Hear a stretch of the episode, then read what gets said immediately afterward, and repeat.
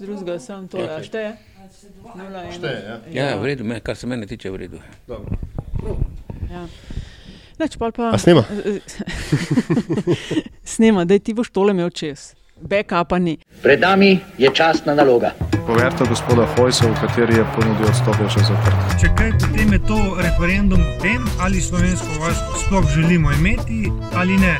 Neke vrste zmenek rušiteljev temeljnih vrednot Evropske unije. Odkar sem odšel iz politike, vse narobe. Več afer, kot bodo sproducirali, bolj bom grizla in sekala lovke. Osebno sem se danes testiral, čakam na rezultate zaradi preventivnih razlogov, da ne bo potem kakšnih dilem. Mi nismo ničesar plačali, tako da zagotovo ne gre za goljofijo. Pa si vi sploh želite čim prejšnjega konca te epidemije? Te razprave ne bom nadaljeval, ker eh, nisem neumen. To je LDGD, podcast, ki nikogar ne podcenjuje in ničesar ne jemlje preveč resno. V imenu svojih najbližjih in v božjem imenu vas pozivam na lov. Uživajte, dokler lahko. Hvala lepa. Poslušate specialno epizodo podcasta LDGD. Antiša, ti imaš naštudiran ta naš uvodni del podcasta, ki nikogar ne podcenjuje. In ničesar ne jemlje preveč resno, še posebej ne, aljaš. Politike. Točno. Z vami Zato smo smo danes zbrali politika za gosta.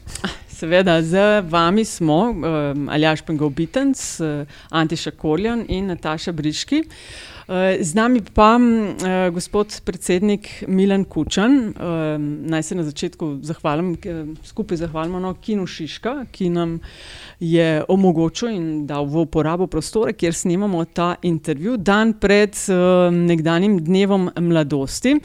Imamo kar ambiciozne načrte, gospod predsednik, za tale intervju in z uh, težkim vprašanjem štartamo takoj na začetku. Prihajate iz Prekmurja. In uh, NK Mura je prvič v zgodovini Slovenije postala državni prvak v nogometu. A je to nekaj, kar se ti zdaj, a ste gledali tekmo, je to nekaj, kar se prek Murci in prek Murke potem pokličete in rečete: Yes. Ja, mislim, da ni nobenega pravega prekmurca, ki ne bi eh, gledal te tekme ali pa vsaj sodeloval v splošnem veselju in navdušenju, ki je sledilo potem, ko je bila tekma končana. Res je, klub je bil ustanovljen leta, če se prav spomnim, 24, se pravi skoraj po stotih letih želja, da bi postal nekoč državni prvak, se je to zdaj zgodilo. Tako rekoč na pragu dneva mladosti, Eh, šport pripada v glavnem mladim ljudem, vse se je uresničilo in če ste poslušali izjave po tekmi, mislim, da je posebej pomembna ali pa značilna bila izjava kapetana Žižka oziroma Žige Kosa, ki je rekel lani, ko smo osvojili pokal, me ni bilo en dan domov, zdaj me pa dva dni ne bo. in mi- mislim, da je še marsikdo tako mislil in tudi naredil. Eh, Krasno in to nas napelje takoj na naslednjo temo, ne, ko smo ravno v Prekmorju m, in pri nogometu.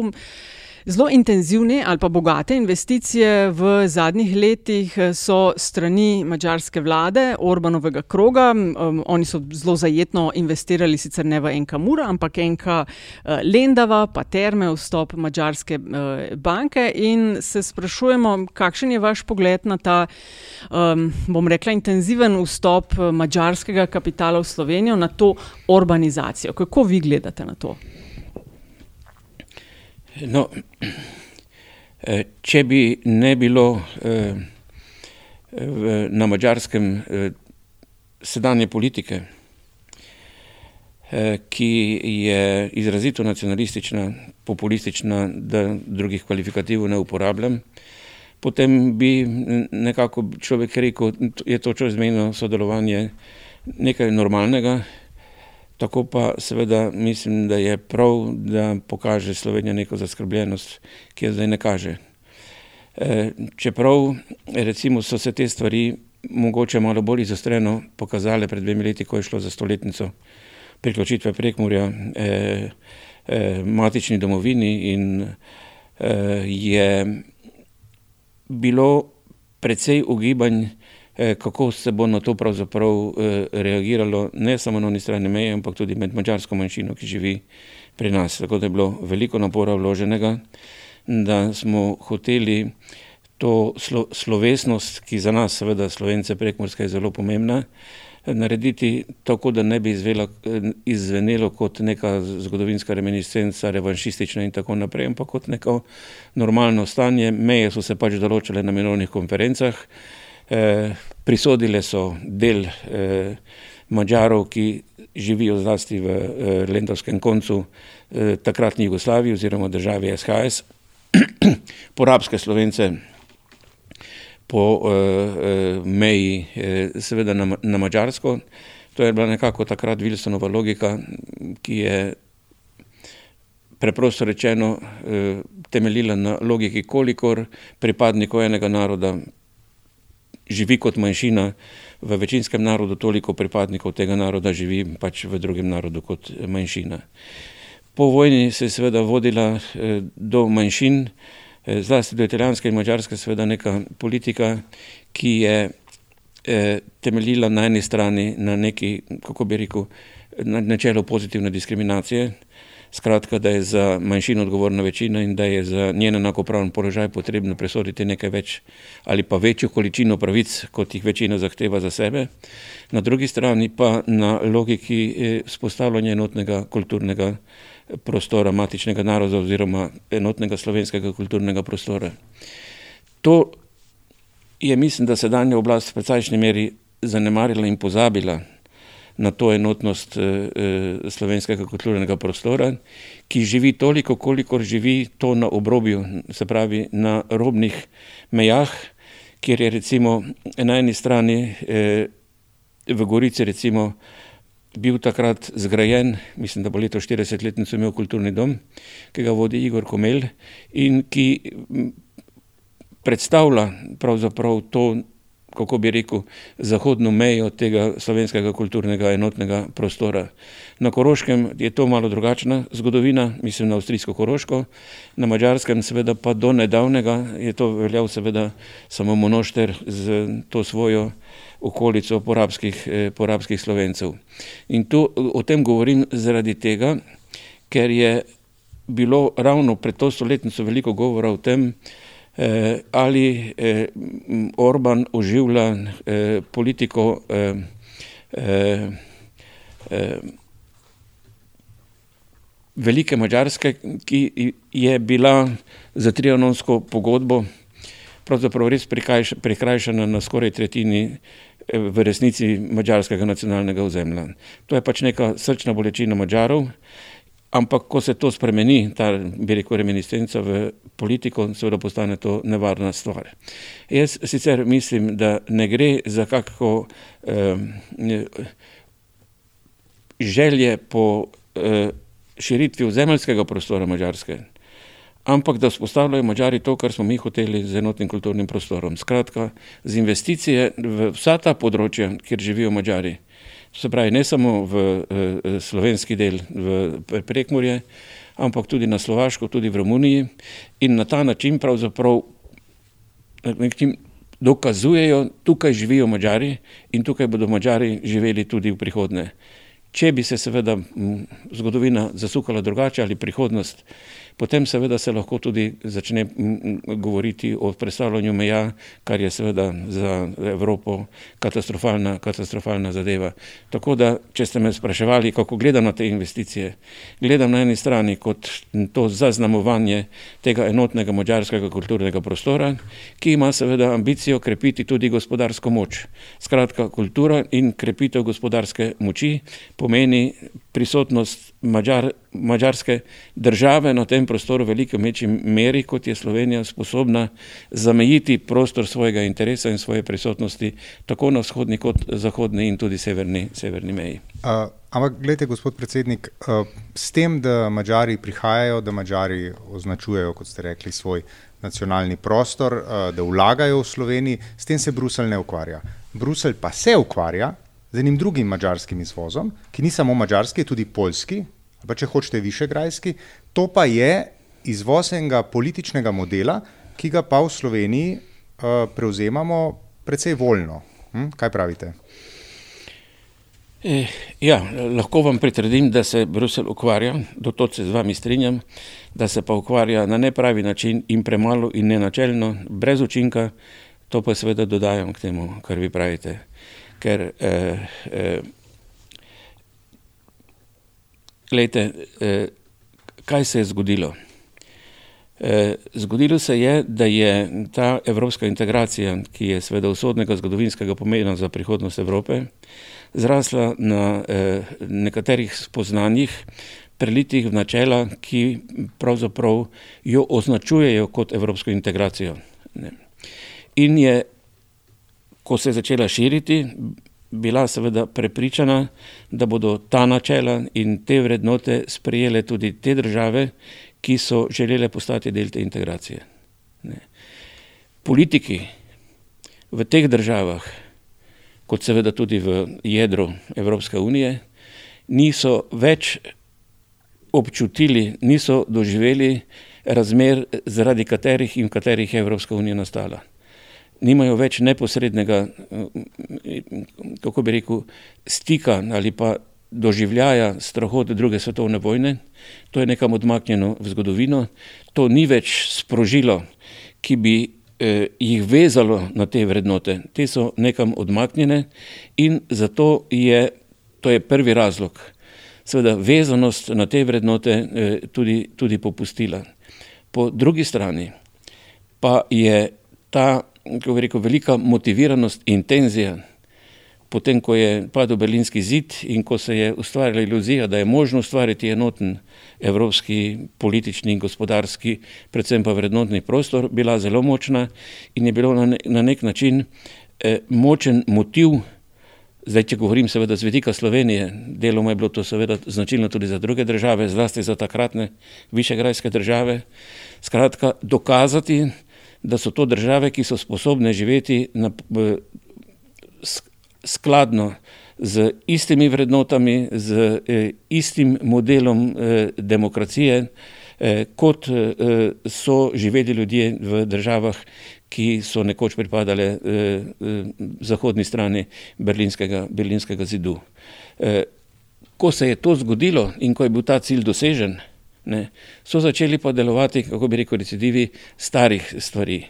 In če rečem zdaj za Slovenijo samo en stavek, Slovenija je ravno tako bila visoko motivirana, dokler ni bila sprejeta v Evropsko unijo. Ne. Potem so seveda zlasti vladavina človekovih pravic, eh, vladavina prava in eh, eh, kako bi rekel, miroljubna politika, koeksistenca in solidarnost seveda začele počasi nekako se umikati v ozadje in Slovenija z odmikanjem od teh vrednot ne, postaja če dalje bolj podobna državi, ki smo jo nekoč davno zapustili, ne mislim zadnjo desetletje, ampak takšne skupne države, kot je bila tam recimo na začetku 80-ih 80 let. Ne, in to je za mene, mislim, tisto, kar lahko z vidika Slovenije rečem, je pa v ostalih državah. Ne, ta, kako bi rekel, re, retrogradni proces ali pa odstopanje od tega eh, še veliko večji in danes višegrajske države predstavljajo, bi rekel, resen odmik od teh vrednot, ki so pravzaprav in bi morali biti vezno tkivo celotne evropske, evropske integracije. In to je pravzaprav tisto, kar lahko človeka danes skrbi, celo z tem, eh, kar se sliši seveda tudi v Sloveniji, sedajnih vladajočih struktur, da eh, je potrebno v teh državah eh, drugačno razumevanje pravne države, drugačno razumevanje človekovih pravic, ker je to pač drugačna tradicija, drugačna zgodovina in tako naprej. Čeprav bi ravno ta drugačna tradicija in ta drugačna zgodovina morala toliko bolj biti vezana ali pa zavezana tem, tem temeljnim vrednotam, ker to pomeni odmik od tiste, eh, rekel, tragične preteklosti, ki so v te države živele recimo od leta 1945 naprej, ko so pripadale sovjetskemu ali če hočete vzhodnemu političnemu bloku. No, ampak po um, tej zgodovinski širitvi Evropske unije ne, se je tudi Unija sama seveda začela ukvarjati z vprašanjem, kdo sem in kaj hočem. Ta konflikt med um, britanskim uh, idejo zgolj skupnega trga in pa potem neko srednjo evropsko željo po uh, vedno globi integraciji, ne, vedno več unije se je govorilo. Um, se nekako manifestiral na nek čuden način tudi v slovenski odsotnosti kakršne koli ideje o tem, kakšna je ta Evropska unija. Pa se mi zdi, da gledajoč zadnjih kaj 15 let, ko smo člani, sem prav zračunal 15 let. 14, 17, ja. 17. Ja, vidiš. Slepo matematiko še gre hitro. Um, ja, na koncu se račun izide. To je, to je. ja, to je res. Um, s tem, ko smo, bili, da, ko smo naredili nalogo za dostop do mize z odraslimi, da tako rečem, ne, se zdi, kot da se je slovenska ideja o tem, kaj bo Slovenija z Evropsko unijo počela, končala. Ko bi se v resnici morala šele, šele začeti. Vi ste tik pred tem uh, končal mandat uh, predsednika uh, republike. Uh, kako ste vi gledali na, da rečem, pomankanje te velike zgodbe, velike ideje, ki je bila tu v končni fazi tudi po, uh, vezno tkivo političnega razreda? No, mogoče bi to lahko ilustriral z nekim pogovorom, ki sem ga imel z italijanskim predsednikom pred eh, sprejemom Slovenije v Evropsko unijo. Takrat, ko je bilo zelo pomembno iskati zaveznike za podporo eh, nekemu sklepu, da je Slovenija sposobna biti članica te integracije z polno mero pristojnosti in tudi odgovornosti. On mi je takrat rekel, da nimajo nobenih težav z to podporo. Pravi, vi ste nova država, pravi, ki prinašate v našo že rahlo utrujeno integracijo nove ideje, tudi iluzije. Je rekel, in do teh iluzij imate pravico glede na vašo preteklost, glede na to toliko bolj države, ki so živele še v ostrejšem režimu, če to tako imenujem, kot ste živeli Slovenci oziroma Slovenija znotraj, znotraj Jugoslavije. In meni se je zmeraj zdelo, da bi morala Slovenija svojo izkušnjo življenja v večnacionalni državi prinesti v dobrem in slabem to izkušnjo, v evropsko integracijo, ki v bistvu je tudi večnacionalna skupnost, kot je bila Jugoslavija. Ker razen nas, če odmislim Čehoslovaško, ki je bila spet specifika, prave, eh, nobena članica eh, Evropske unije ni pravzaprav večnacionalna oziroma ni imela svoj eh, federativno ureditev. In tu nisem mislil, mislim na neko prenašanje modela, ampak izkušnjo, ki bi povedala, kje so poglavitne čeri, na katerih se lahko razleti večnacionalna eh, ladja. In mislil sem predvsem na dve stvari pri tem.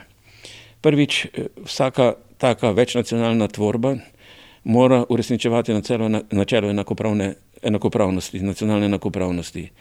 Če tega načela ni, se pravi, če pride do supremacije interesov ene nacije nad drugo, se seveda tiste, ki so prikrajšane svojem nacionalnem interesu, več ne počutijo doma v takšni skupni hiši. In drugo načelo, ki ga mora uresničevati, je načelo funkcionalnosti. Takšna država mora funkcionirati, mora upravljati vse funkcije, kot jih upravljajo druge države. Ne. Če ni funkcionalna, ne, potem seveda zgubi smisel svojega obstoja. To recimo se do neke mere kaže sedaj v Bosni in Hercegovini že vrsto, vrsto let. Ne? In na te dve načeli, mislim, zdaj, ko se že nekaj let Evropska unija sprašuje, kaj je in kaj želi postati, ne? na to se mi zdi, da se premalo upozarja in da Slovenija, ki ima to neko legitimnost, lahko bi imela tudi Hrvaška, če bi skupaj s Hrvaško, seveda to svojo izkušnjo predstavljala toliko bolj učinkovito, to, toliko bolj zaželjeno. Ne. Je v Sloveniji sicer nastala neka tako imenovana slovenska evropska ustava, katere sponzor je predsednik države, ki pa seveda ne, tega eh, problema ali pa teh problemov ne rešuje, jih ne nagovarja. Ne. So seveda tudi drugi problemi. To je eden od teh problemov, kako recimo reševati problem neenake gospodarske razvitosti, ki za sabo vleče socialne probleme, različno stopnjo življenjskega standarda in tako naprej. Jugoslavija se je zavedala tega problema.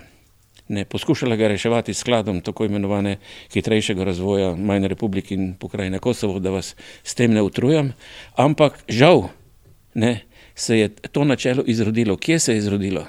In mislim, da se zdaj pri delitvi tega denarja, ki naj bi pomagal olajšati posledice epidemije, kaže tudi znotraj Evropske unije, ravno z nastopom Orbana in Poljakov in seveda z asistenco našega predsednika, predsednika vlade. Namreč, ne, sklad so bile dolžne dajati vse članice federacije. Ne, in to se je tolmačilo kot obveznost. Kosovo in Makedonija in Črnagora, zlasti pa Kosovo, ne, se upravičujem, Bosna in Hercegovina in Kosovo so postavljale po načelu svoje suverenosti. Preprosto, če rečem, vi ste dolžni denar dati, naša stvar je, zakaj ga bomo uporabili. In to je bil eden od temeljnih sporov tudi Slovenijo. Mi smo rekli, denar dajemo za hitrejši razvoj. Hitrejši razvoj omogoča investicije v gospodarstvo. Se pravi, gospodarske kapacitete, zaposlovanje, ustvarjanje dohodka. Ne? In zdaj se je zgodilo isto v, v, ali pa zelo podobno v Evropski uniji. Evropska unija ima sklad, nam bo dala denar, mi sami bomo odločili, zakaj ga bomo uporabljali. Je sicer nek program zdaj, Veste, da je v Sloveniji pravzaprav nastal brez širše razprave, zakaj bo ta denar uporabljen. Gotovo je, ne bo uporabljen za to, da bi Slovenija krepila svojo gospodarsko moč na tistih področjih, ki jim je prvenstveno to omenjeno, se pravi digitalizacija, zelena eh, Evropa in seveda znanje.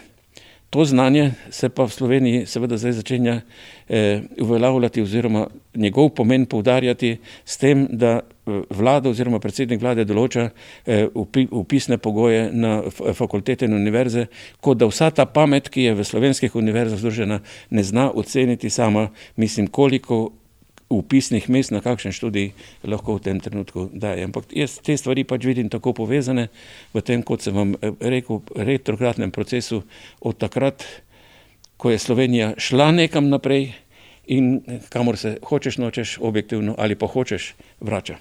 Ampak zapravičujem, sam, ker se veže na tisto, kar sumem, da boste vidva vprašala. Zakaj je temu tako? Ja, razlogov za to je najbrž zelo veliko. E, ker e, je po eni strani Sloveniji zmanjkalo moči ali pa tudi volje, da bi ob teh velikih projektih, ki so zaznamovali ne, na začetku življenja, ne, e, e, nekako mislim na dva projekta, se pravi, dobiti mm, svojo državo in ji zagotoviti prostor eh, eh, v mednarodnem političnem in državnem življenju.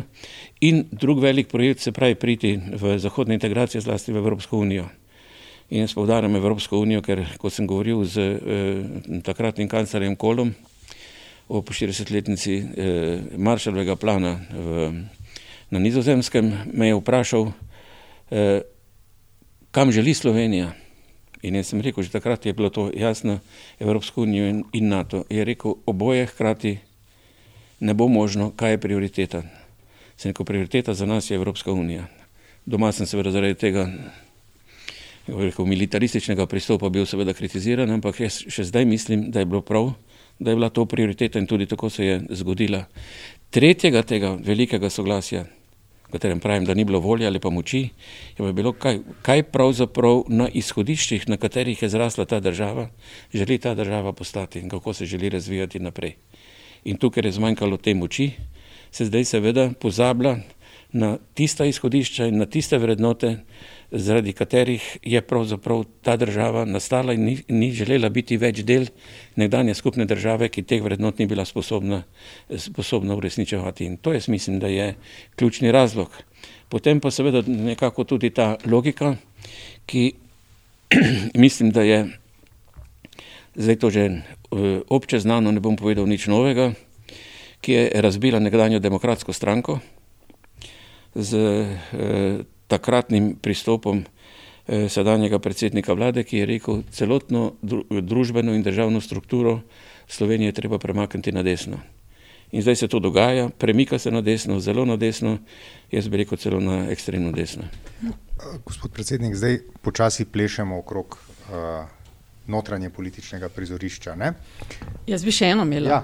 Kaj ne, notranje politično sumaljaš tvoj ni bil upravičen. Kaj sem želela vprašati, tisto, kar ste govorili, uspon, sam tole na ja. EU še, uspon populizmu videvamo, eh, porast števila avtoritarcev. Sami ste rekli, mogoče nezadosten ali pa gotovo nezadosten odziv EU na pojav tega avtoritarizma. In to me pripelje do zadnjega EU barometra, v katerem so na vprašanje, kako zelo vas skrbi demokracija oziroma delovanje demokracije, Slovenci se izkazali od vseh članic EU, eh, e da nas to najbolj, najbolj skrbi. Ne? A mislite, da imamo dovolj močne inštitucije, da smo v teh 30 letih dovolj močne inštitucije zgradili, da te napade na demokracijo, na vladavino prava, na človekove pravice, da bo zdržal?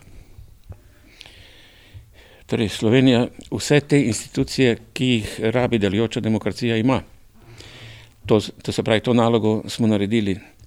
Tisto, kar mene skrbi in kar nismo uspeli narediti, da bi znali zavarovati eh, integriteto in avtonomijo ljudi, ki v teh institucijah so. Pred napadi tistih, ki te institucije ne spoštujejo in želijo delati mimo institucij. Na kaj govorim? Govorim na to, neko, neko, bi rekel, spet splošno znano resnico, da se ljudje preprosto bojijo. Bojijo uporabiti avtoriteto, ki jim jo daje inštitucija, sodišča, tožilstva, policija, ne, ne govorim, ne govorim eh, naprej. Skratka, ne, institucije brez eh, pokončnih ljudi, ki so pripravljeni prevzeti odgovornost, ki jim je s tem, ko so postali del institucij ali pa kot celo institucije vodijo, seveda te institucije ne morejo delovati in zlahka postanejo seveda žrtev potem avtoritarnih ali pa populističnih, populističnih pristopov. Slovenija mislim, da je že na samem začetku nekako kazala to bolezen, bom rekel, nezadostnega spoštovanja, spoštovanja institucij. Poglejte, zdaj je 30-letnica, zdaj je veliko proslav spominskih slovesnosti in tako naprej. Ne. E, demos. Ne. Demos je pravzaprav e, e, bil združenje strank. In to združenje strank je sprejemalo nekatere zelo pomembne odločitve in jih sporočali javnosti domači in tuji, ne da bi to sporočale inštitucije, ki jih je ta država takrat že imela. Recimo datum referenduma oziroma plebiscita. Ne. E, tudi nekatere druge stvari. Ne. Bilo bi razumno in razumljivo, da je ta združba strank ki je imela pač eh, to eh, večinsko priložnost, da je vodila takrat državo, da je sprejemala znotraj sebe odločitve, ki jih je potem preko parlamenta ali preko vlade ali preko predsedstva sporočala javnosti, sporočala domači in mednarodni javnosti. S tem bi se seveda pokazal odnos in bi se krepile te inštitucije. Tako pa je bilo dosekrat vprašanje, kdo pa v Sloveniji pravzaprav sprejema odločitve. Res je, tista ključna je potem zakonom o plebiscitu bila sprejeta v, eh, v parlamentu, ampak ne bi bilo nič nenavadnega, če ne bi bilo tako. Takrat bi bilo skoraj, da se je zdelo normalno, če bi to pošlo neki, po neki drugi poti. Ali pa odnos do inštitucij zdaj. Ne. Celo ustavno sodišče ni več avtoriteta. Ne. Postaja, mislim, da je to ekstremen primer, ko minister, minister eh, pravi, pa naj nam ustavno sodišče pove, kako ne naredimo. Ni treba naštevati drugih stvari, ne? jih dobro poznate. Mislim, da ljudje, ki spremljajo politike, tudi vedo, kako to gre in zakaj je to, kar jaz trdim, inštitucije brez pokončnih ljudi, ki imajo zavarovan svojo, kako bi rekel, avtoriteto, eh, na vse zadnje tudi v javnem mnenju, ne? je pravzaprav težko pričakovati, da inštitucije svojo vlogo upravljajo sam še stavek. Ne, to je mogoče zveni kot slovenska specifika, pa ni. To je na mačarskem, to je na polskem, je še marsikje druge. Ne, na vse zadnje, če pogledate, kako je bil plebiscit o odcepitvi ali pa o izstopu, bolje rečeno, eh, eh, Velike Britanije, Brexit, je tudi še zdaj dvom v. Eh, no, skratka. Ne, nismo unikum, smo pa seveda nas, pa skrbiti nas, ne, manj kot Poljska in Mačarska. Če potegnemo črto pod prvim umestnim časom, reč, eh, lahko ugotovimo, da ste kar precej kritični, kar precej zaskrbljeni, se mi zdi tudi zaradi dogajanja v Sloveniji. Pa mi zdaj povejte, oziroma nam povejte, Pred 30 leti, 24. maj uh, 1991, vam je bilo jasno, da gremo v to smer, ali verjetno vam ni bilo? Ne? Kaj ste pričakovali, oziroma ste razočarani, kje smo po 30 letih? No, 24. maj, takrat leta 91, se mi ni zdelo nič pomembnega.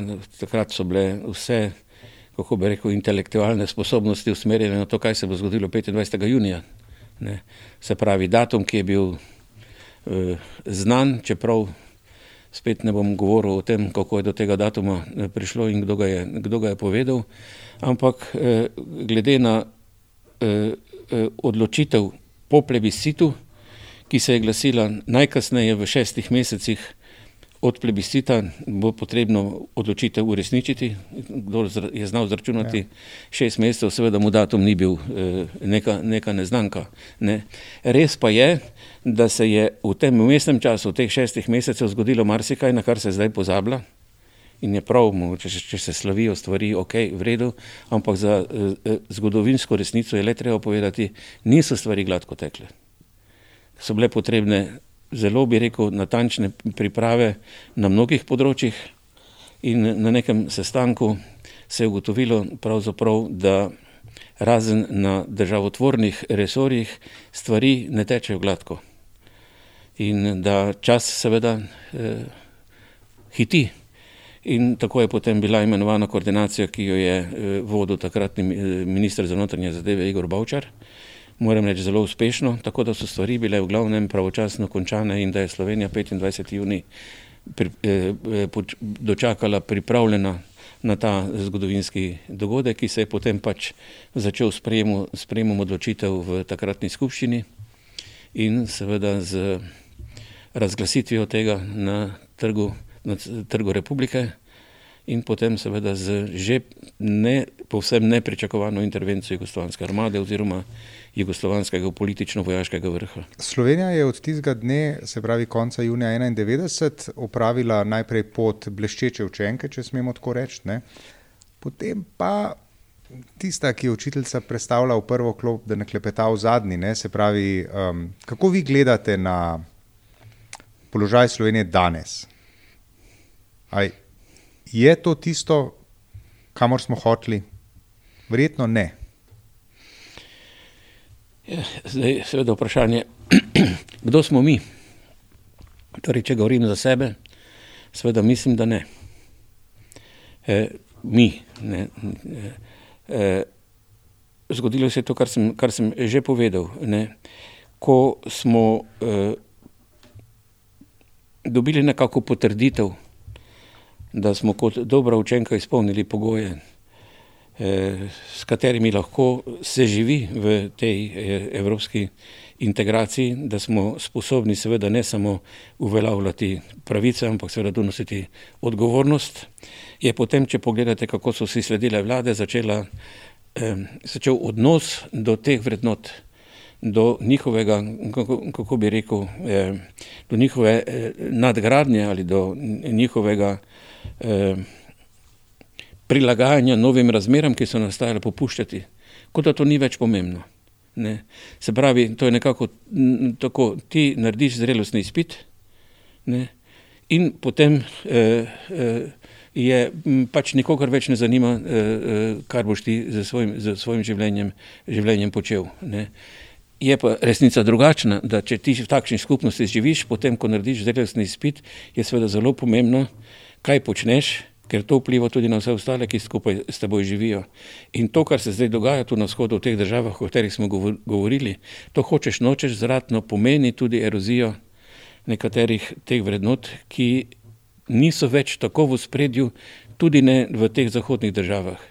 Ker tudi tam ni več generacij, ki bi tako neposredno čutile svojo odgovornost za uveljavljanje vrednot, na katerih je ta integracija zrasla. Kot da je to neka kako bi rekel, skupnost, eh, eh, eh, v kateri lahko vzameš v nekem trenutku to, kar ti ustreza, ne da bi za to karkoli, karkoli dal. Ampak jaz seveda vidim še nek razlog, drug razlog za to. Takrat, ko se je Evropska unija širila, takrat je bilo rečeno, da se bo širila z velikim pokom.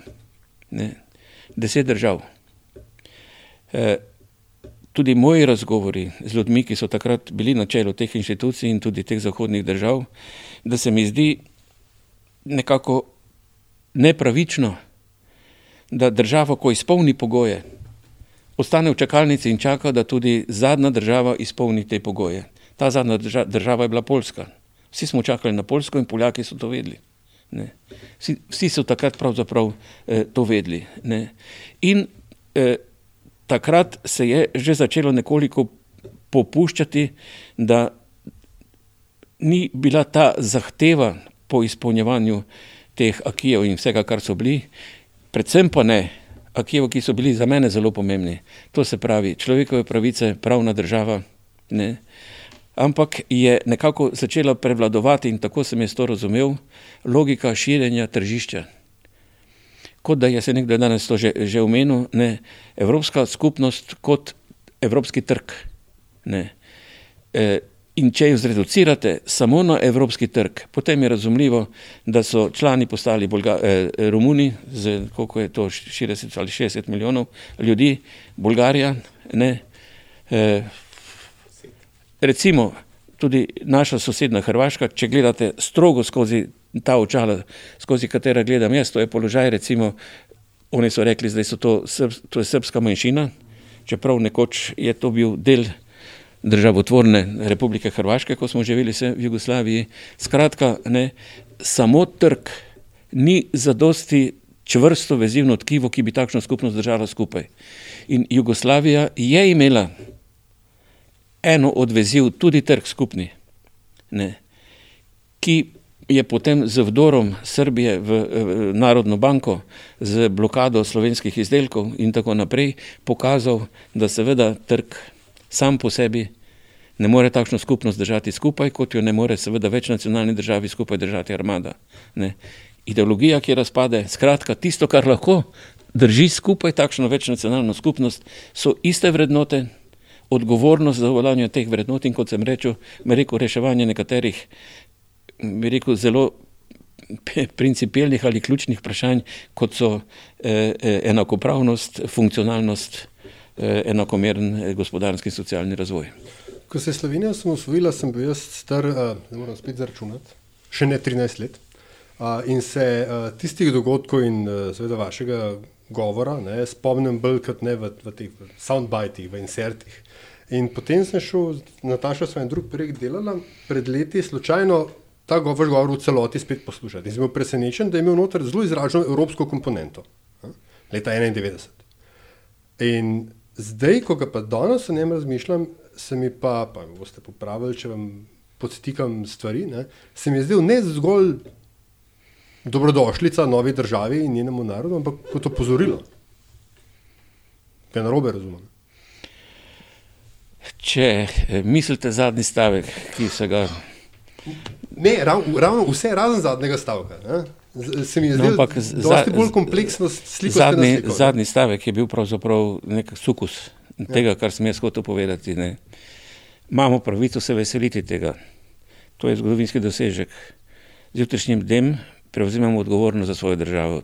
To je bil jutri je nov dan. Ne? Veselje je konec prihaja odgovornost. In seveda vprašanje, ki si ga lahko zdaj po 30 letih zastavljamo, kako smo mi to odgovornost nosili, dokje smo jo, kam smo spravili to državo, tja, kamor smo tudi hoteli in kako zdaj na to državo gledajo tisti, ki skupaj s to našo državo živijo ne, in najbrž ne, iščejo odgovor ne, skupaj z nami, ne, kaj smo in kaj hočemo, torej evropejci. Ne. In ne vem, če slovenska država takšna, kot je, lahko kaj zelo konstruktivnega prispeva zdaj, ko je toliko let zamudila, da bi lahko nekaj k temu in tej razpravi prispevala. Tudi ta zadnja razprava, ki je zdaj o prihodnosti Evrope, koliko sem imel priliko poslušati, ne, to zelo enoznačno pluralnost, kot so rekli, bo pluralna, ne, se tega vprašanja ni dotaknila. Kokor, da se še zmeraj te svoje preteklosti eh, eh, bojimo, ne, čeprav bi iz te preteklosti ravno lahko potegnili izkušnjo, ki bi bila koristna danes za tiste, ki te izkušnje nimajo. Če vašo vlogo skozi teh 30 let pogledate, deloma ste jo preživeli zelo aktivno v prvih bojnih vrstah, zdaj pa ste od 2002 ne, že upokojeni, a se bi bolj identificirali s tisto pesmijo Edith Piaf, ki je že ne regretorjen, ničesar ne obžalujem, ali bi se bolj uvrstili v tabor, ne vem, Franka Sinatra, ki je uh, pel Regrets I have a few. No, jaz bi že eh, raj pel skupaj z Edith Piaf. Ne. Žal nimam, nimam posluha, tako da bi bil to kakšen prebavljiv duet, ampak mislim, ključne stvari, ki sem jih počel, gotovo ne obžalujem. Ne. Marsikaj bi recimo gledano z današnjega vidika lahko naredil tudi drugače. Kaj recimo? Ne. Recimo, ena od teh stvari je gotovo zaupanje, to se vam bo zelo čudno. Ne. Jaz sem nekaterim ljudem preveč zaupal, oziroma zaupal. Ne. E, mogoče je bilo tudi takrat prav, ker nezaupanje pa seveda spet druga skrajnost. Potem dvomiš vse, ne. ampak ko zdaj nazaj ugotavljam, ne, kaj se je vse takrat dogajalo, kaj vse ni bilo povedano, pa smo bili nekako bi rekel e, v, e, na isti bojni črti. Ne. A, veste, to je tako, kot če pustiš e, e, skakalko višino, da skače z peska. Ne. Recimo, ena od takih stvari, ne, ne bom šel v podrobnosti, ampak ena pa mogoče ilustrativna. Pogajanja na Brionih. Mi smo dali besedo, doma te besede, tisti, ki bi jo mogli izpolniti, niso izpolnili.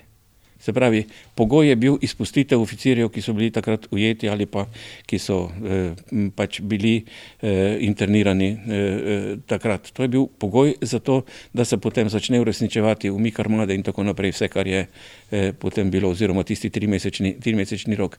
To je bila ena od takih stvari, daš besedo ali pa pogajanja o prekinitvi ognja. Ne, ne bom naprej konkretiziral, je kar nekaj takih stvari. In ko kasneje ugotoviš, kako pravzaprav te tisti ljudje, s katerimi si bil skupaj, o tem, kar bi bilo potrebno, da bi ti vedel, ne, tega niso povedali, potem seveda se ti zdi, da mora biti bi v novem življenju nekoliko manj zaupal ljudem, kot sem jim zaupal. Če ste že ravno omenili ne, ta obdobje vojne in potem pogajanj in tako dalje, uh, zlobnež v meni ne, uh, ne more ne narediti primerjave, da smo imeli nekako srečo, da je vojna trajala samo deset dni, sodeč po tem, kako akteri od takrat danes vodijo to krizo, um, oziroma jo, jo rešujejo ali, ali pa ne.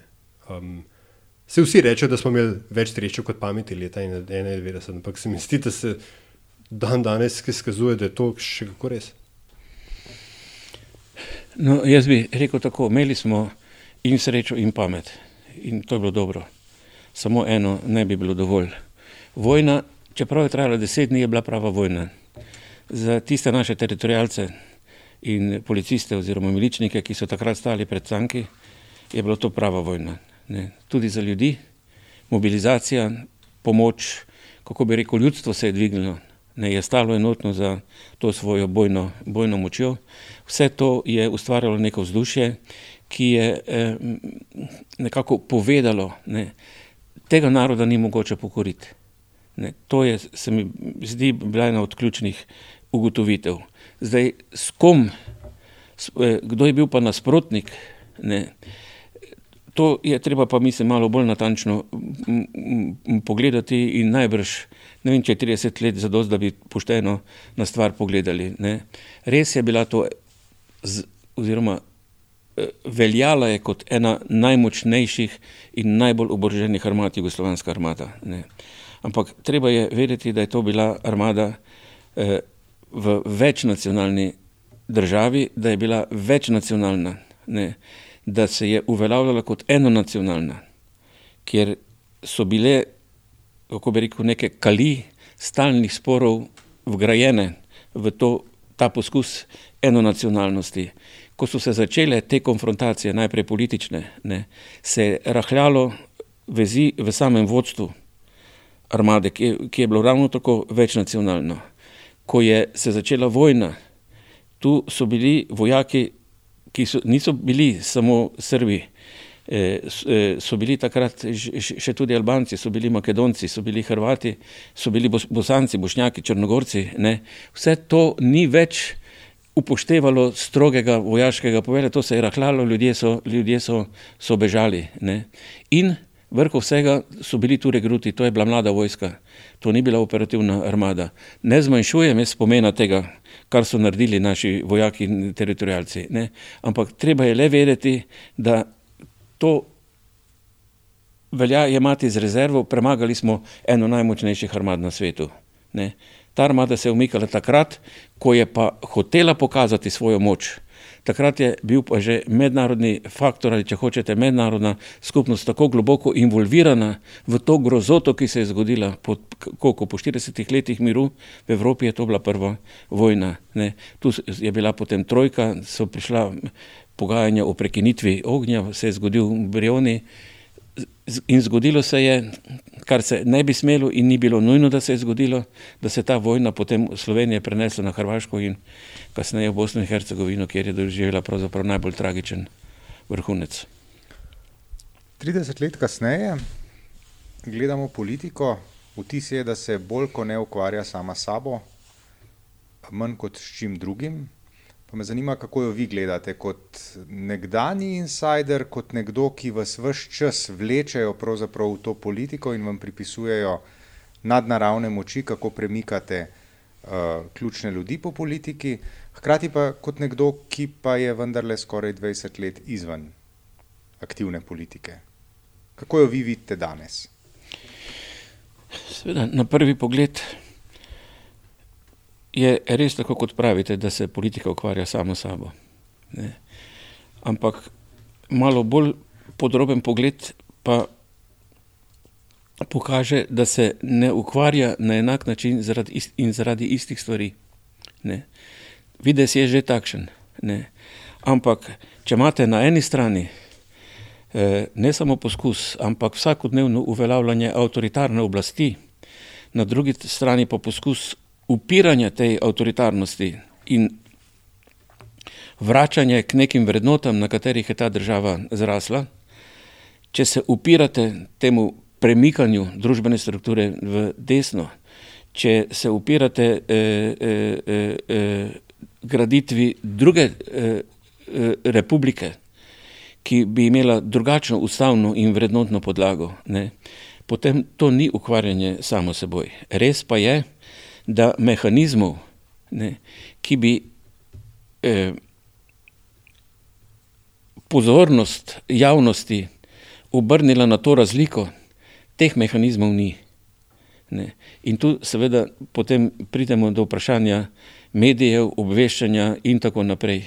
Recimo, ne, eh, kako vidim jaz ne, neko absurdno situacijo, recimo STA. Ne, ne samo zaradi tega, kar se zdaj dogaja, ko se jo izčrpava, kot je zadnjič nekdo rekel, ne, eh, duhovito, da je to, kot so včasih v srednjem veku eh, eh, oblegali gradove, dokler niso eh, oblegancev iz, izstradali. Ne. Eh, eh, ampak eh, zakaj je bila STA ustanovljena? In to bi ustanovitelji ali, kako se reče, osamosvojitelji morali še posebej vedeti. Ustanovljena je bila kot inštitucija resnice, zoper institucijo propagande in laži, ki jo je predstavljal Tanjuk, ki je, to se boste vi dobro spomnili, v svet širil, kako bi rekel, ne, ne samo Miloševičevsko, ampak sploh beograjsko centralistično, vojaško-politično resnico o Jugoslaviji, ki je bila seveda izkrivljena. Slovenija ni imela svojega eh, informacijskega kanala v svet kolikor so bili pač tu, tuji dopisniki ali naši dopisniki v tujini, ampak to ni bilo, ni bilo dovolj. Celo blokada je bila. Ne. Celo takrat, ko sem jaz povabil tuje eh, veleposlanike oziroma veleposlanike iz Beograda na obisk v Slovenijo, da bi mi lahko povedali našo resnico o tem, kar se dogaja v Jugoslaviji, je prišel samo turški veleposlanik, ker je Leka Lončar, takratni zunanji minister, blokiral ta, ta prihod. In ko ustanoviš svojo agencijo, da širi tvojo resnico, po 30 letih in namesto tega, da bi jo dvignil kot enega od faktorjev, ki so takrat pomagali ustanavljati eh, eh, samostojno, samostojno državo, odrekaš pravico, pravico do obstoja. Če, če to ni absurd, če to ni, kako bi jaz rekel, ne, eh, ne bom rekel aroganca, ampak to je neko, eh, bi rekel, ne, eh, niti ne morem reči egoizem, to je res prisvajanje, prisvajanje zgodovine. In prisvajanje družbe oziroma njenih sistemov oziroma podsistemov oziroma pre, njihovo preoblikovanje. No, to, je, to, pač ja, to, kar zadeva sistemov, se strinjam, ampak zdaj gre ne? konkretno za to inštitucijo. Ja, ustreza uh, vladajoči ne, politiki. Ne. Ker zdaj namreč STA ni svoje funkcije spremenil. In ker STA zdaj širi tudi resnico o tem, kar se dogaja v Sloveniji, to je moteče. Zato je treba ukiniti in narediti svojo agencijo ali pa pokoriti to agencijo tako, da zamenjaš direktorja, zamenjaš urednike, in tako naprej. Ja, gospod predsednik, v tem podkastu LDGD velikokrat debatiramo o levih in desnih. Uh, preden na to vas vprašam, bi želela sam vaš odziv, Antiše, na Mignu. Že 30 let ste že strelovod za drugo stran. Kako to doživljate? Ali to zamahnete vsakeč znova z roko, ali niti ne slišite več, ali vas še boli, ali ne vem? Moja, veste kaj, eh, boli. Boli me ne toliko na osebni ravni, kolikor me boli, da se na ta način izkrivlja pravi resnični konflikt v, v tej državi. Ne. Pravi konflikt je pa konflikt, če hočete, z demokracijo. To je pravi konflikt. Ne. In če na eni strani mene postavljajo seveda na stran demokracije, potem seveda sem kar počaščen s tem, da sem kar naprej, kot vi pravite, strelovod in, in napaden. Ker jaz na to, da sem jaz antipod nekomu drugemu na osebni ravni, na to ne pristajam.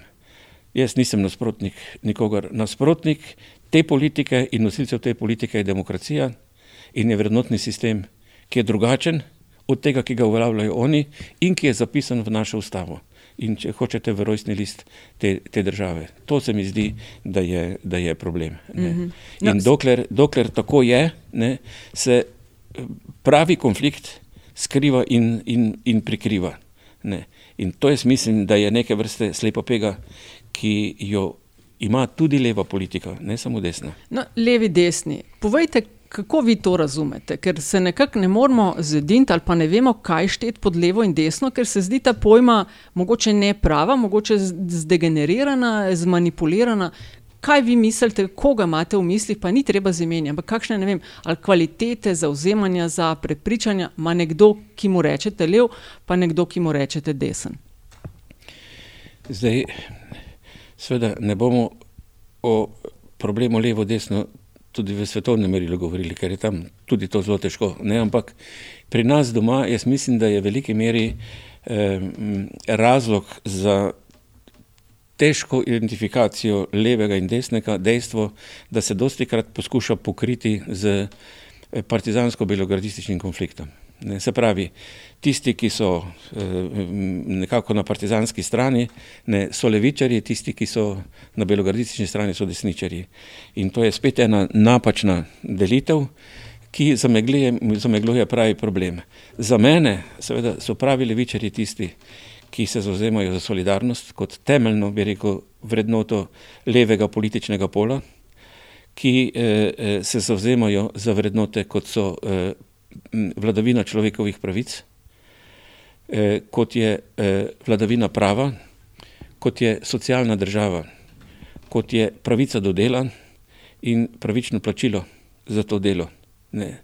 In seveda v tem kontekstu socialna država, ki skrbi za tiste, ki sami z svojim delom niso sposobni zagotavljati svojega življenja oziroma svoje, svoje prihodnosti. Ne. Skratka, ne, tu bi lahko v grobem rekel, gre tudi za razmerje med delom in kapitalom. Ne. Oboje je potrebno, pozablja se pa dodati k temu še tretji faktor, to se pravi razmerje delo, kapital, znanje. Ne. In kako do tega znanja priti. Zato pa k tem vrednotam, ki sem jih omenjal, dodajam tudi skrb za javno ali pa odnos do javnega, do javnega prostora, se pravi ne samo Eh, kako bi rekel, tisto, kar je predmet eh, prostorskih planov, ampak sploh do rabe javnega prostora, eh, to recimo, kar je zdaj z vodo, ena od stvari, eh, se pravi. A ste ne. podpisali glas A, za seveda, referendum? seveda, cela družina, ker imamo radi vodo. Ne, ampak hočem povedati še to, še to, ne, to so, se mi zdi, da so tiste, tiste vrednote, ne, kjer je eh, eh, nekako možno identificirati to, kar je levo. Ne.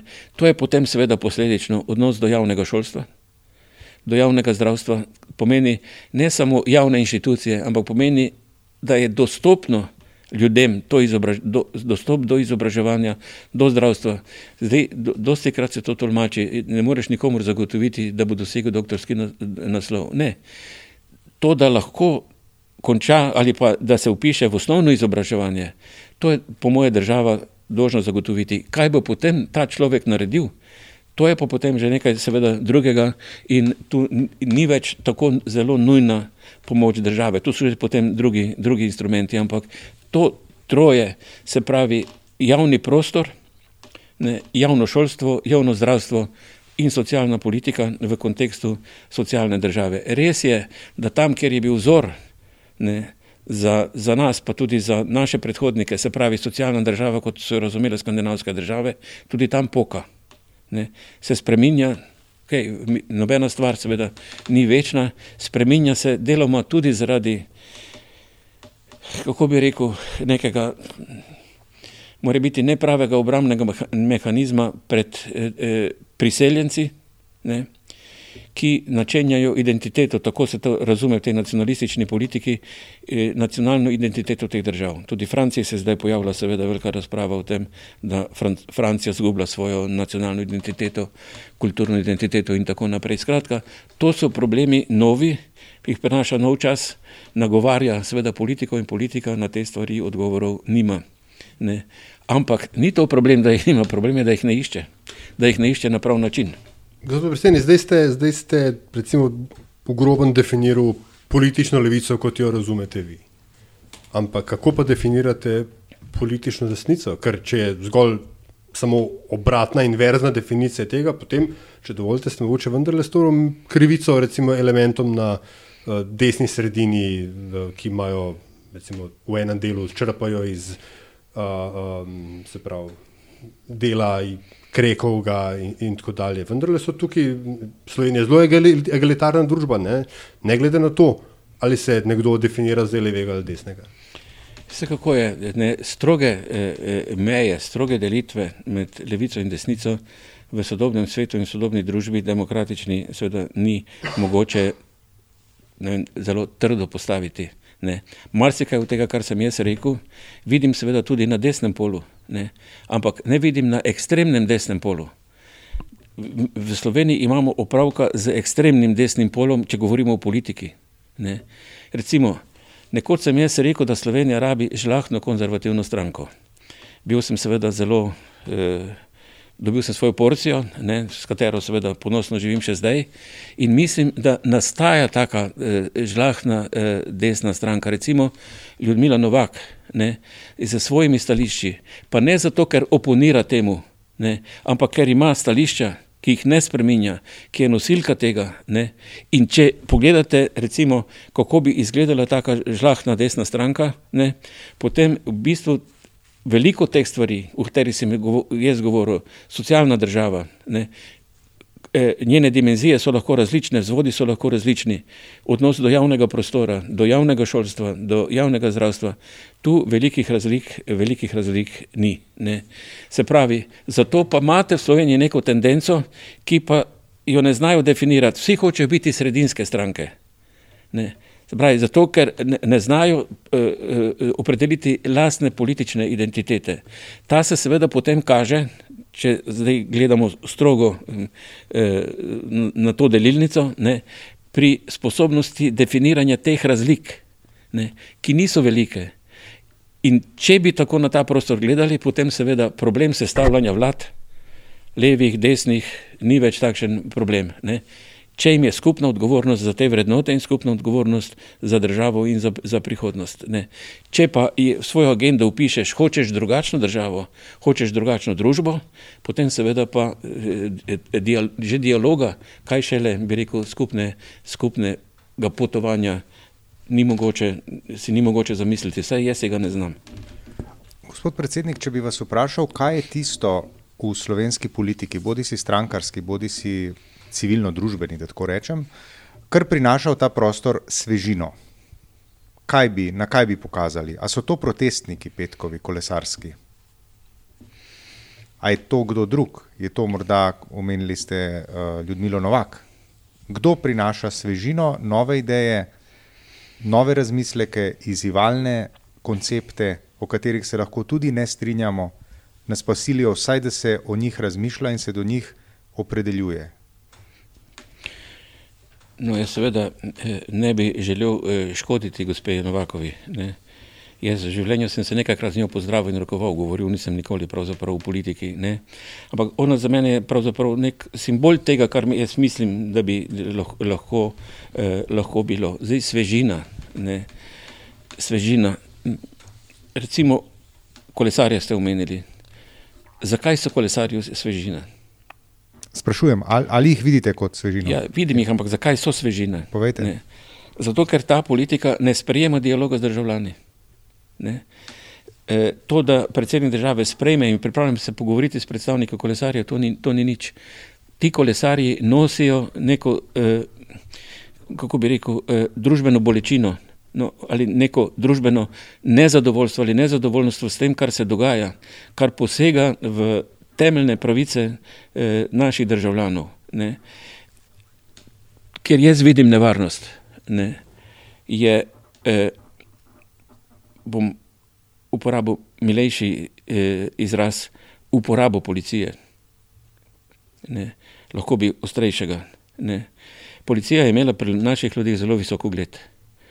Je bil čas, ko mislim, da je pravzaprav najviše stala na lestvici ugotavljanja javnega mnenja, komu pripisujejo najvišji gasilci, policija. Pa medicinske ne. sestre, mislim, da so to visoko. So pa, to pa ja. zdaj, v tej epidemiji gotovo. Ne. In nenadoma, ko si ti policijo začel pošiljati z vodnim topom na svoje ljudi, ne, ko ne bom te primere, ki jih vsi poznamo, kaznovanja in tako naprej, nenadoma v očeh ljudi policija ni več neka eh, inštitucija, ki je na njihovi strani, ki jih varuje, pred, eh, eh, varuje njihovo integriteto, njihovo dostojanstvo, njihove pravice in tako naprej, ampak je nadoma postavljeno nekaj, kar je postavljeno proti njim. Ne, ne, ne verjamem, mislim, da so naši policisti srečni zaradi tega. Ne, ampak vodstvo je tisto, ki jih je tako, jih je tako postavilo. Ne. Kakor da se zoper eh, virus eh, lahko boriš s policijo, zaščiti z vodnim, z vodnim, z vodnim topom. Ne. Vse so uh, s to epidemijo prizadete vse evropske države. Pa kako so politike teh držav nagovarjali svoje državljane? So jih nagovarjali, skupaj smo, nevarnost je tu, bodimo razumni, pomagajmo si drug drugemu, ne, to, kar vam predlagamo, verjamemo, da je prava reč, naslonjena je na stroko in tako naprej. Pri nas so pa sledile same grožnje. In te grožnje so se pokazale kot neresnične, pa nobene odgovornosti za to ta zadnji velik protest, kolesarji, ne vem, kdo je bil vse takrat, ne, kaj je sledil? Tweet. Ne, za stotine novih eh, mrtvih in eh, kužnih, bolanih boste odgovorni, zmanjšalo se število. Ni, nič se ne zgodi. To je tisto, kar mene skrbi v, v teh naših razmerah, da zapovedano besedo v javnosti, tisti, ki so jo povedali, ne nosijo nobene odgovornosti. Je pa seveda tako, v politiki vsaj velja nekaj, bi rekel, aksiomov. Ne? Ko enkrat beseda politika, politika zapusti, postane javna last. On nima več moči, da bi kar naprej razlagal. In nisem hotel to, hotel sem nekaj drugega. Ti si povedal to, mi smo to razumeli in smo tako tudi s tem, s tem ravnali. Ne? Ali še drugače rečeno, velja še nek drug aksijom, ne, nikoli mi ni bilo žal za besedo, ko jo nisem rekel. Ali drugače rečeno, včasih je pametno biti tiho. Ne. To, mislim, v slovenski politiki, politiki pač ne velja. In zato mislim, da tisto, kar prinaša novo, če me vprašate, so ravno ti protesti, ki izražajo eh, čutenje, kako državljani čutijo to oblast. In namesto, da bi nekaj tega, kar sporočajo, seveda ni rečeno, da je vse eh, eh, to tudi prav eh, in možno sprejeti, ampak da bi se vsaj pokazal nek odnos. V redu je, vi te in te stvari zahtevate ali predlagate, v redu bomo pač poskušali nekaj na, na podlagi tega storiti. Socialni dialog. Poslušam, v nobeni državi ni toliko socialnega dialoga, kot je v Sloveniji. Sindikati so to zapustili. Lepo vas prosim, ne, na e, sestanke tega socialnega sveta ne, so hodili državni sekretarji ali še državni sekretarji ne. Če resno jemlješ socialni dialog, potem pride pristojni minister, da ne rečem predsednik, predsednik vlade. Sindikati so se dogovorili za e, podpis nekega sporazuma, To sporazuma do podpisa ni prišlo, je pa vlada sama spremenila eno od temeljnih točk tega sporazuma in je plačni rok predstavila na sredino, na sredino meseca. Je Kako je mo mo mogoče potem govoriti, da socialni dialog, da socialni dialog teče? Ne? Takih primerov ste me vprašali, kako se jaz počutim tam v Murlah. Berem časopise, ne? E, poslušam radio, gledam televizijo, in si seveda sam sebi zastavljam vprašanje, ali je to možno. Še ena stvar me samo zanima, ne na zadnje ste pravnik po izobrazbi. Ne? Kako gledate na dejstvo, da se je v družbi morala formirati uh, pravna mreža za varstvo demokracije ob, vseh, ob vsem delujočem, tako ali drugače, pravnem sistemu, pravosodnem, ki ga imamo, zato da pač brani državljane pred, uh, pred državo? Kako gledate na dejstvo, da se je en tak odbor, bi rekel, moral formirati? Ja, to recimo je nekaj, kar je novega ne? in je zelo pomembno. Ne? To eh, eh, se mi nekako zdi, da spada v kontekst sodobne države, urejene eh, države. Se pravi, da imajo državljani možnost ob siceršnjih, kako bi rekel, inštitucijah sistema imeti nekaj tudi, kar je zraslo znotraj civilne družbe, da jim pomaga pri uveljavljanju njihovih pravic, takrat, ko smatrajo, da skozi inštitucije z tem svojim interesom ali svojim problemom ne morejo prodreti. Vse je tudi brezplačna pravna pomoč in tako naprej, ampak to so vse inštitucije, do katerih se težko pride. Ne. Tako da, če pogledamo eh, zgodovino slovenske družbe sodobne, ki je v veliki meri zrasla iz civilne družbe, iz civilnih gibanj, ne, se je spet v tem kritičnem obdobju začela uveljavljati civilna družba in ta pravna mreža je seveda nekaj, kar je zraslo in kar je izraz te družbe. Recimo, ne, ne, ne samo, da brani državljane, brani tudi inštitucije. Ne. Koga je vzela v obrambo? STA, o kateri se, sem, sem že govoril. Ne. Kar seveda pomeni, da je nekaj, kar bi država morala storiti, kar jo zavezuje zakon, pa tega zakona ne spoštuje, zdaj seveda poskuša uveljavljati civilna družba preko te pravne mreže in poskuša iztožiti to, kar bi država bila dolžna, dolžna storiti. Ne. In eh, mislim jaz, da je bo tudi razvoj sodobnih družb sicer v svetu šel to, v to smer, da bo eh, ob eh, rekel, inštitucijah sistema eh, eh se razraslo vrsto inštitucij, ki bodo svoje korenine imeli v, v, mm, eh, v, civil, v civilni družbi. Ker pogledajte, eh, zakaj pravzaprav gre za nek širši problem. Eh, ta epidemija je seveda zelo resna stvar in je zahtevala, če se je hotelo obvladati, tudi na nek način posege v človekove pravice. Omejevanje teh pravic niso recimo zborovanje, vem, eh, svoboda gibanja med, in tako naprej. Vse to seveda je, ima racionalno jedro, ampak hujši, ko so posegi v pravice človeka, večje mora biti zaupanje državljanov v oblast. Problem v Sloveniji pa je, da ljudje sicer izvršujejo te ukrepe, ne spoštujejo pa oblasti, nimajo zaupanja v to oblast.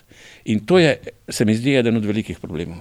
No, o levih in desnih smo, pa o novih obrazih in tega, kar je inovativnega danes. Ne. Aktualna politika si uh, predstavlja očitno inovativnost tudi v tem, da uh, neke starejše obraze vabi k aktivnejšemu sodelovanju, primeri, vem, gospod Jambrek, Rupel, Petrič. Uh, gospoda BMZ se čaka, tu se boste vi vrnili tudi aktivno, kaj v kakšni obliki? Večer, da ne, ne, včeraj nekaj. Ne, ne bojte se tega, ne bo, ne bo se to zgodilo.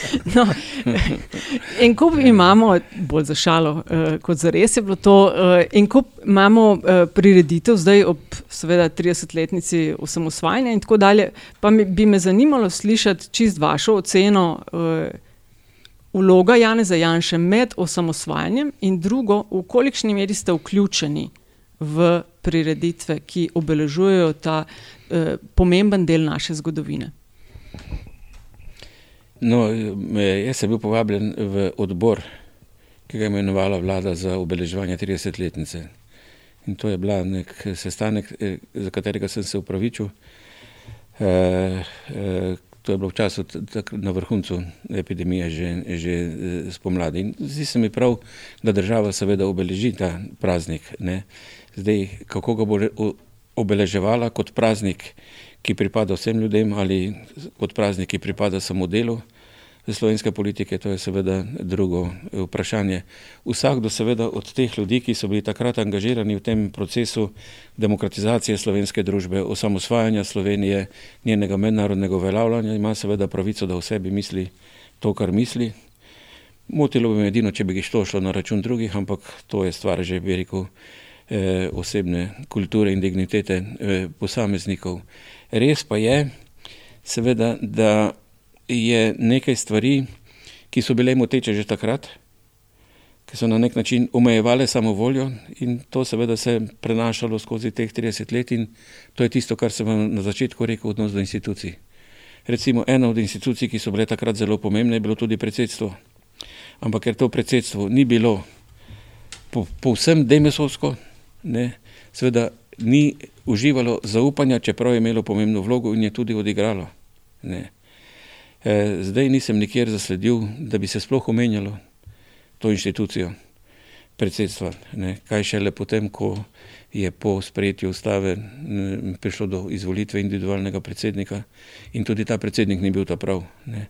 Pa to ne smatrajte kot kakšno mojo pritožbo, ampak hočem samo povedati, ne, da odnos, ki se danes kaže do institucij, ima svojo korenino in se ta korenina pravzaprav, kadar so spre, eh, razmere takšne, kot so danes, seveda samo razrašča. Ne. Ampak jaz vseeno mislim, da bodo ljudje eh, eh, znali eh, to 30-letnico vzeti kot svoj praznik.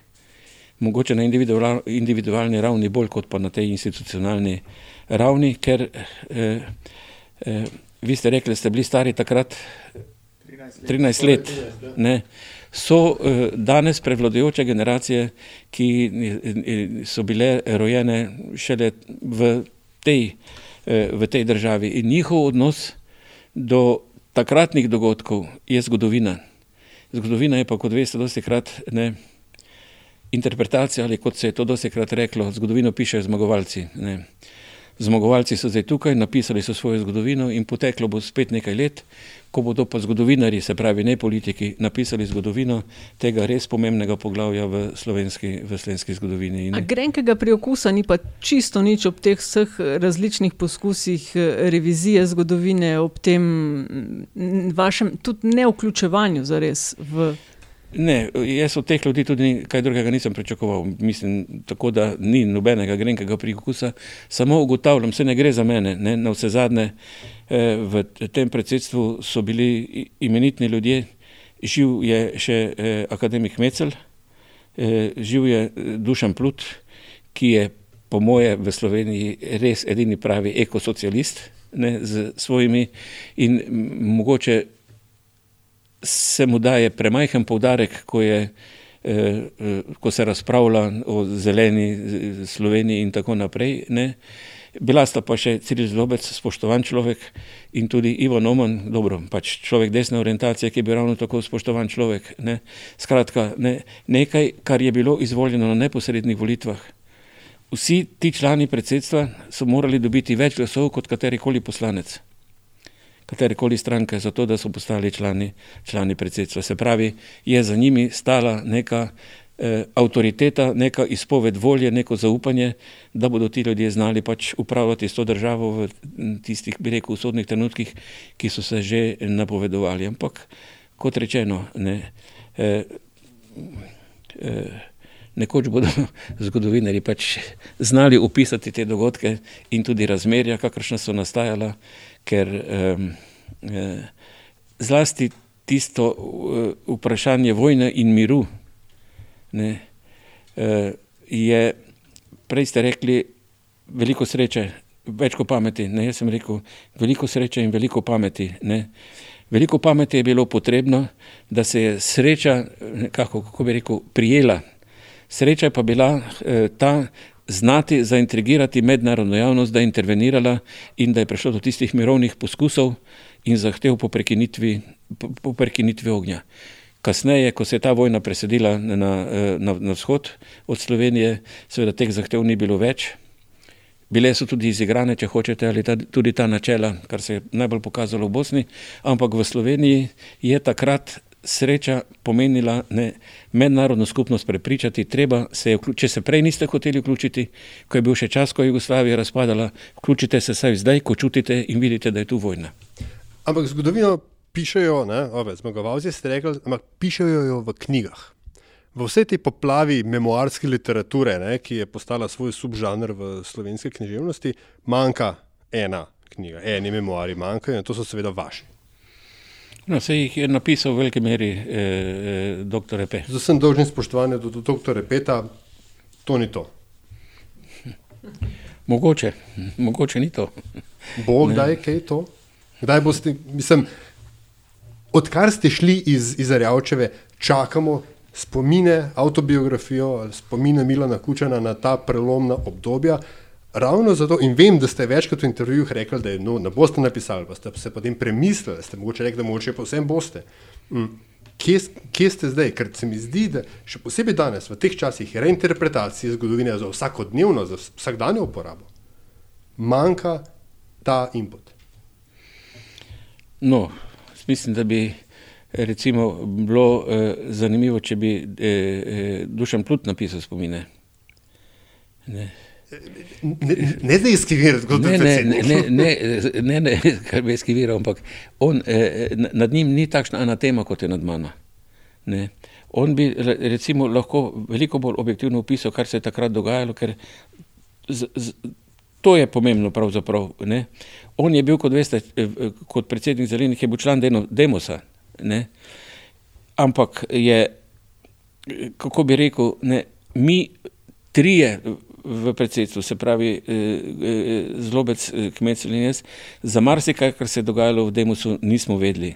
Ampak ko se je pokazalo pri delu predsedstva, ki skupaj nosilo odgovornost, da to ne gre, ne, se je nenadoma zgodilo, da smo mi predvsej ravno preko Dušana Pluta zvedeli, kaj se v Demosu, v Demosu dogaja. Smo bili pripravljeni na to, kar je pač moralo predsedstvo, predsedstvo upravljati. Ampak Dušan Plut ne more odgovoriti na vprašanja, ki so se dogajala pred letom 91, ki so bila seveda tudi ključna za vse, kar se je potem dogajalo. Se vidi, da nam zdaj že časa zmanjkuje. Ne, ne, ali až knjige ampak, ne bo, mogoče bo podcast, ja, gospod ja, ne, predsednik. Vprašanje, ki je mene vedno mučilo in prej ste rekli, da vi niste v konfliktu z premijem Janšo. Ampak on več kot očitno je v konfliktu z vami. In se mi zdi, popravite me, če se motim, da je geneza vsega tega srda v prepričanju, da je on bil leta 88 v zaporu, nekako zaradi vas, oziroma huje, da bi ga vi lahko spravili iz zapora, pa ga niste. Pa smo ga tudi spravili iz zapora, to pozablja. Spravo ga je Janez Stanovnik, njegovo predsedstvo, katerega član sem jaz bil na podlagi mnenja, ki ga je napisal psihiater dr. Lokar. Ne. Da ne govorim o drugih stvarih, recimo zdaj se velika krivica dela dr. Boconu, ki je takrat pisal pravna mnenja, zahteval prisotnost strokovnjakov, takrat se je zahtevalo slovenski jezik na sodišču, vse to se pozablja. Ne. Niso pa pozabili tisti, ki so takrat večinsko bili na Roški in ki so takrat protestirali. Ne. E, zdaj se če dalje večkrat sliši, ne, nismo takrat zaradi tega protestirali, kar se zdaj, kar se zdaj dogaja. Kar jaz seveda mislim, takrat so bili takšni časi in je bilo prav, da se je tako protestiralo. Zdaj so pač drugačni časi in je prav, da se tako protestira, kot se danes protestira. Ampak takrat se je nekako smelo, zdaj se pa to omejuje. Ja. Če se spomnite, takrat sta pred vrati sodišča vojaškega stala dva stražarja z puško, ki je bila brez nabojev. Ne. Gospod predsednik, tukaj se ne pogovarjamo samo z občanom, državljanom Milanom Kučanom iz Murgel, kot ste rekli, ne. pogovarjamo se tudi z institucijo bivšega predsednika. Pogovarjamo se v sposojeni dvorani Kina Šiška, ne pa kot bi si morda nekdo mislil v eni pisarni, recimo na predsedstvu, v parlamentu, morda na vladi ali kjerkoli.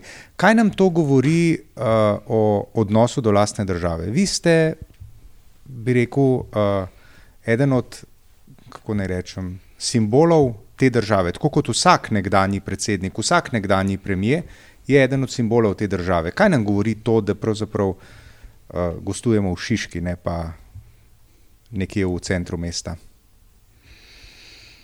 No, z mojega vidika je to neko normalno stanje. Ne.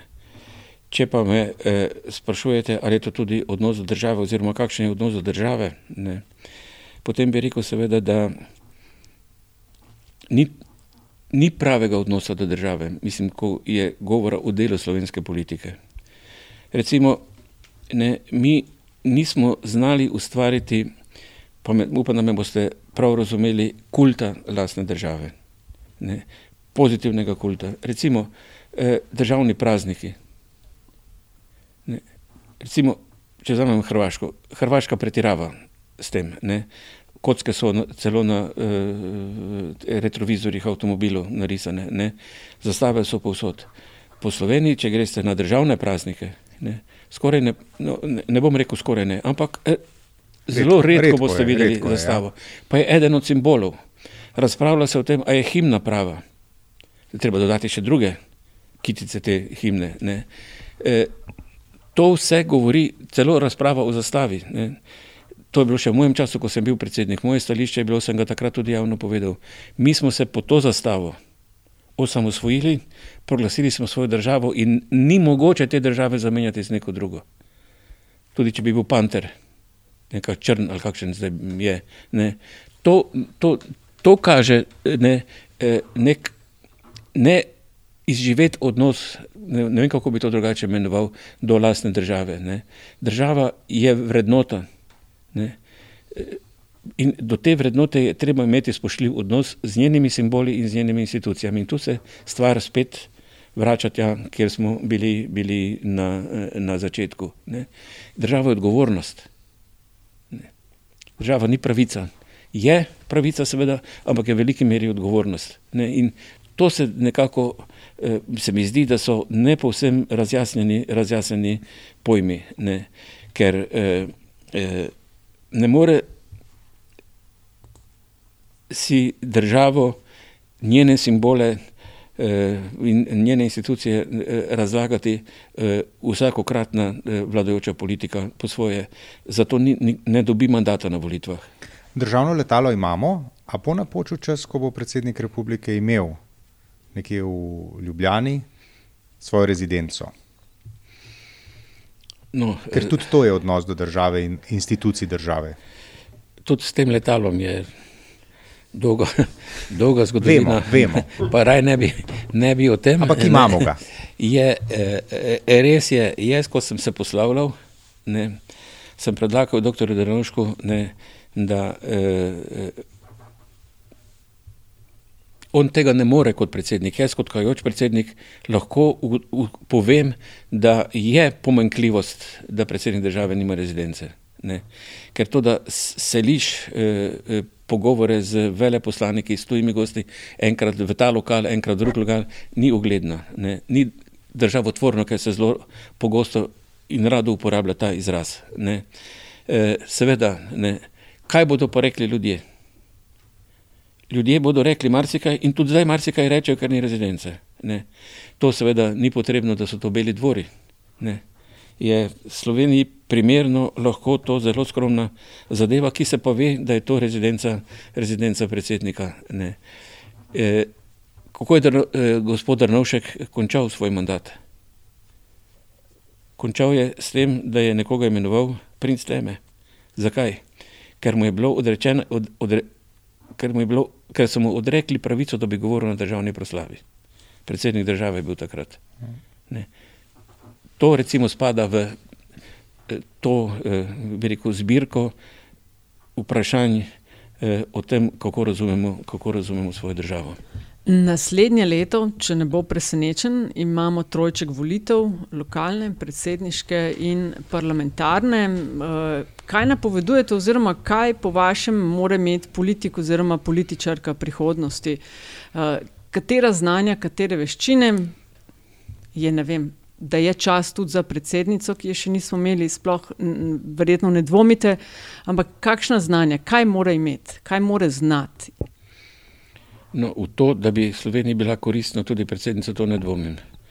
Moja izkušnja z ženskami politiki je pozitivna. Ne, ne samo zaradi znanja, ki so ga imele, te ženske, s katerimi sem imel upravka, ampak ker vnaša neko mehkobo v to trdo. Eh, Eh, da ne rečem še kako drugače, eh, moško, eh, moško politiko. Ne. Če me sprašujete, kakšne lasnosti bi moral imeti, ne. predvsem bi moral biti to, kar je po naravi stvari, človek, ki bi znal uporabljati svojo besedo ali drugače rečeno, ki bi znal uporabljati avtoriteto, ki mu jo ta funkcija daje, ki bi znal uporabljati ali pa biti tudi, kot se reče, moralna avtoriteta.